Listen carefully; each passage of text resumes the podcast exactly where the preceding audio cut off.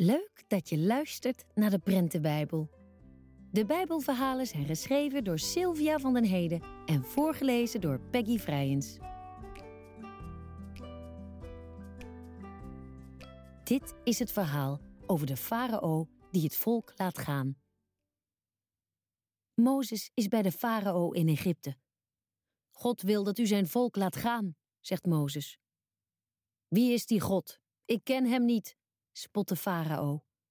En ik laat het volk Israël niet gaan. Ik laat het zelfs nog harder werken. Nu worden de Israëlieten boos op Mozes, maar God zegt tegen hem: Wacht maar af wat ik ga doen. Er komen rampen in het land Egypte. De rivier de Nijl verandert in bloed. Overal zijn kikkers, steekvliegen en sprinkhanen. Het vee wordt ziek en sterft. Toch zegt de farao: Ik laat het volk Israël niet gaan. Dan gebeurt er iets heel ergs. Alle oudste jongens in Egypte gaan dood. Ook de zoon van de farao. Nu schreeuwt de farao tegen Mozes: Ga weg met je volk, ik wil je nooit meer zien.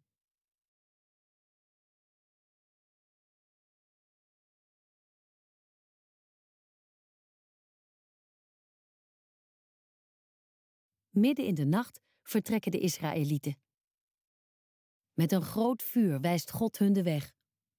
Maar de farao krijgt spijt dat hij zijn slaven kwijt is. Hij stuurt zijn leger met paarden en wagens achter hen aan. Het volk zit in de val.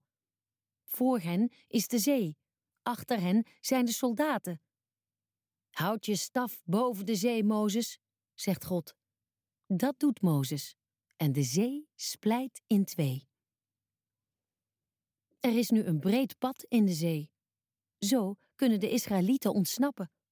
De Egyptenaren achtervolgen hen met snelle paarden. Maar de wielen van de wagens raken vast in de modder. De zee spoelt terug en heel het leger verdrinkt. Aan de overkant zingt en danst het volk voor God. Ze zijn gered en ze zijn geen slaven meer. God heeft hen bevrijd en Hij gaat met hen mee.